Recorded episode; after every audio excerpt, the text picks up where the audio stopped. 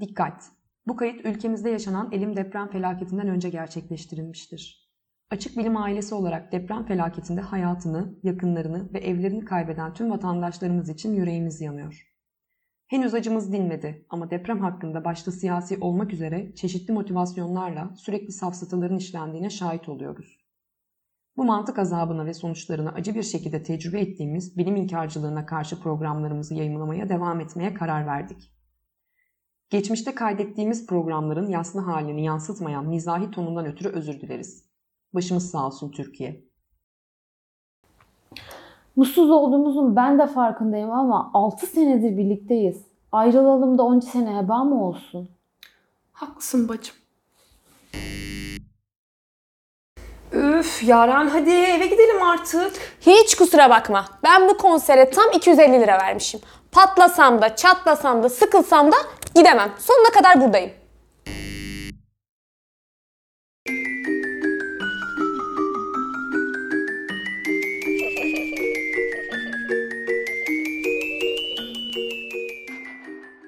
Evet yeni bir Safsata Ekspresi bölümünden merhaba. Bugün batık maliyet safsatasını ele alacağız ama öncelikle sizlere küçük bir sorum olacak. Şimdi bir oyun oynayacağız sizinle tamam mı? Ben size her şekilde para vereceğim ama şöyle. Ya zar atacağız tek bir zar. 600'lü bir zar. Bir gelirse size 60 bin lira vereceğim. Veya hiç oyuna girmeyelim direkt 10 bin lira vereyim gidin. Bu arada tabii 2, 3, 4, 5, 6 gelirse hava alacaksınız. Yani sadece bir gelirse 60 bin lira vereceğim. Ya da direkt size 10 bin lira vereyim çıkın gidin. Ben 10 bin alıp çıkıp gideyim. Hiç riske girmem 10 bin alayım gideyim. Değil mi? Mis gibi havadan kolay para. Peki tersini yapsaydık? Nasıl yani? Mesela zar atacağım. Bir gelirse bana 60 bin lira bırakıp gidiyorsunuz.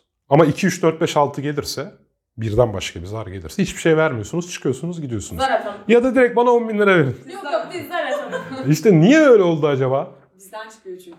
Güzel. İşte beklenti teorisi Kahneman ve Tversky'ye, Tversky rahmetli olduğu için sadece Kahneman'a Nobel ödülü getiren beklenti teorisi diyor ki insan kayıp ile kazancı aynı düzeyde algılamaz. Yani 10 bin lira kazanmakla 10 bin lira kaybetmek aynı şey değildir. Fayda eğrisi simetrik değildir diyor. Yani demek ki yani özeti şu. Biz kaybı daha şiddetli algılıyoruz kazançtan. 10 bin lira kayıp 17 bin kazanmaya falan eşdeğer. Yani böyle çok ampirik yöntemlerle böyle bir katsayı bulmuşlar. Bu her zaman böyle olmayabilir bu arada. Marjinal fayda diye bir şey de var. Çünkü bu soruyu kitapta 100 lira 600 lira diye soruyordum. Tabii ben o kitabı yazarken 100 lira 600 lira da iyi para sayılırdı. Ama enflasyon sağ olsun. Hani o yüzden buradaki örneği 10 bin 60 bine çıkarmak zorunda kaldık. Ee, ama hani kabaca kayıpları kazançtan daha şiddetli algılıyoruz bu net. Şimdi bunu niye anlattık? Çünkü batık maliyet safsatası ve onun bağlı olduğu batık maliyet hatası dediğimiz psikolojik fenomen biraz bu kayıptan kaçınma ile ilişkili. Çünkü biz bir konuda karar verirken kayıplar kazançtan bize daha şiddetli algıladığı için kaçan balık büyük olur dediğimiz şey devreye giriyor.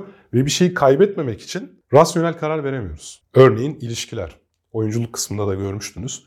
Değil mi? Yani bir bir çift görüyorsunuz sürekli kavga ediyor. Yani sürekli hayatı birbirlerine zehir ediyorlar. Zehir ediyorlar.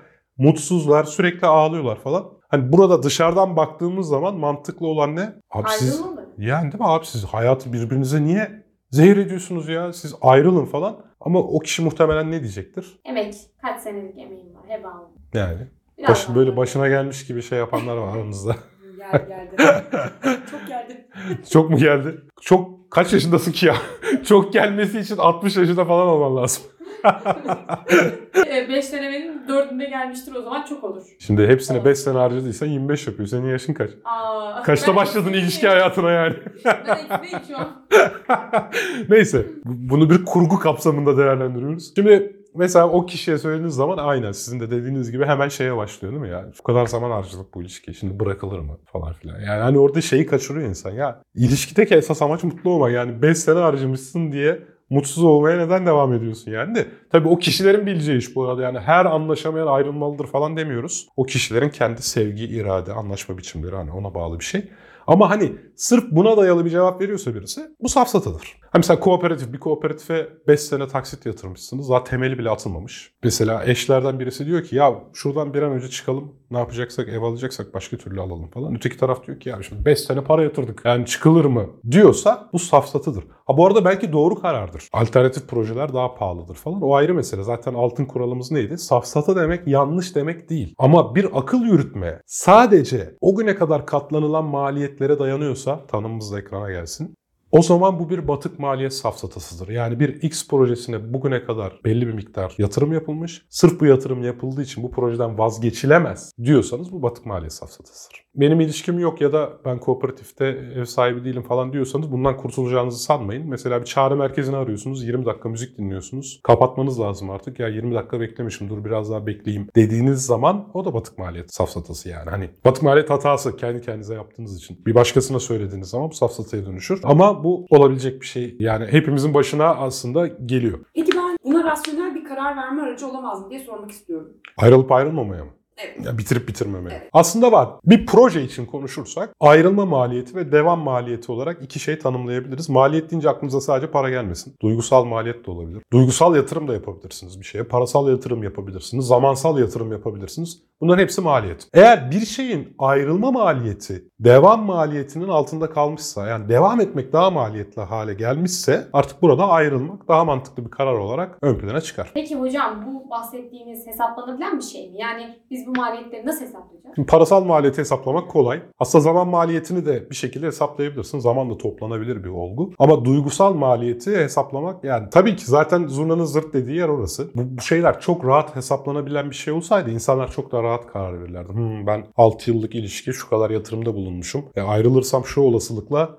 yeni bir ilişki bana şu miktarda mutluluk. Böyle bir şey yok tabii ki. Yani hani bunları hesaplamanın bir yolu yok. Hesaplamanın bir yolu olmadığı için gönül ferman dinlemez zaten. Yani hani duygusal şeyler genelde irrasyonel şeylerdir yani. Ama tabii biraz orada insanın kendi içsel şeyleri devreye giriyor. Yani bunlar öyle kolay hesaplanabilir şeyler değil. Bir de hani şunu da baştan söyleyelim. Baştan değil artık kaçıncı bölüme geldik ama her konuda rasyonel olmak zorunda değiliz ya da her konuda rasyonel olmak bize her konuda optimum kararı vermemizi sağlamaz. Duygusal işlerde rasyonel olarak karar vermeye kalkarsanız işte Charles Darwin mesela evlilikle ilgili avantajlar dezavantajlar tablosu yaparak karar vermiş. Sonra mutlu olduğumu bilmiyorum o kısmında ama yani hani öyle de karar verilmez bazı şeylere bilemiyorum. Hani çok mantıksız şeylerden uzak durmanız lazım. Ama aşırı mantıklı davranmak da işin duygusal kısmını bir kenara silip atacağı için o biraz sizin hayattan almak istediğiniz zevkle falan alakalı yani. Peki istisnası yok?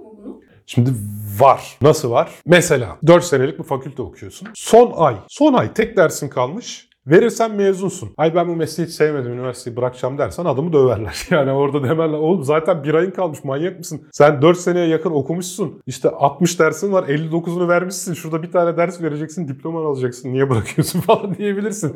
Ama zaten burada şey çok açık. Ayrılma maliyeti devam maliyetinden kesinlikle daha yüksek. Ayrılınca 59 ay gidiyor.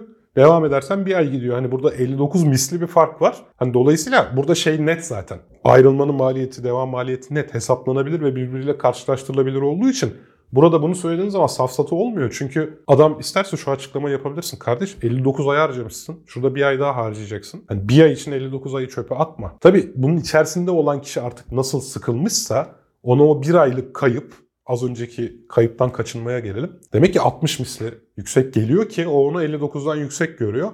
Ama bazen insanları sarsmak lazım tabii ki. Hani bizi vakit de kaybetsek, emek de sarf etsek, çok emek de sarf etsek bir şeyin içinde tutmaya yarayan bir güdü aynı zamanda bu. Yoksa mesela bizim şu an bebek var. o kadar o kadar vakit alıyor, o kadar zorluyor ki hani insanlar çocuk bile yetiştiremezdi eğer bir emeğe dayalı olarak evet de ben buna devam etmeliyim gibi bir fikir sahip olmasaydı hani bu zaten bizim içsel bir mekanizmamız. Muhtemelen bugüne kadar bizim hayatta kalmamızı sağladığı, ürememizi sağladığı, işte akrabalara sabretmemizi, çocuk büyütmemizi sağladığı ama modern hayatın gerçekleriyle bir araya geldiği zaman bu işte bir işletme projesi olabilir, kooperatif olabilir. Tabi buralarda işte bu içgüdülerimiz biraz e, hatalı kararlar vermeye sebep olabiliyor. Sizin dersinizde ben hocam. Mining. Ne oldu? Hatırlamıyorum ben. Hatırlat bize. Ben çok zorlanmıştım ve şey demiştim. Hani, tamam bırakıyorum kalırsa kalsın bu ders falan. Sonra. Sonra geçmiştim. Safsata nerede burada yani? Da kendi kendine bir dakika. Bu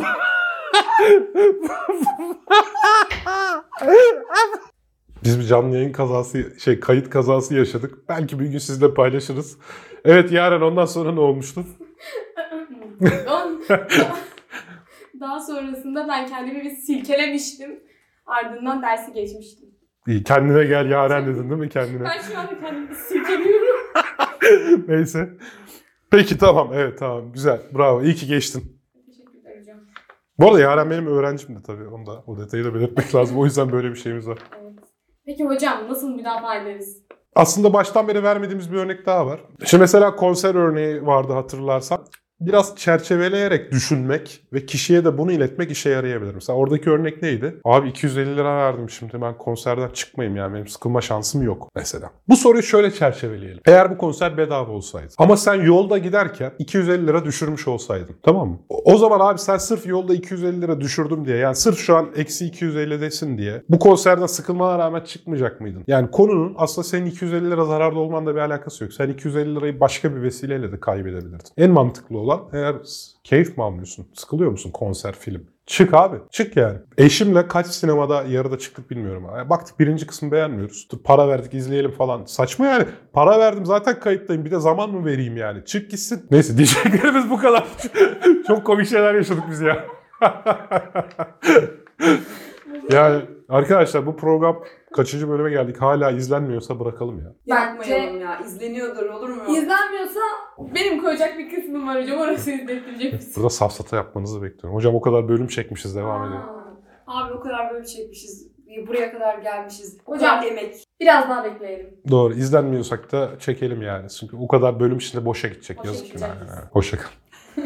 Beğenmeyi, abone olmayı, zile, bildirimi açmayı unutmayın. Bir sonraki bölümde Benim o uyumadı da duydunuz siz neyse. Görüşmek üzere.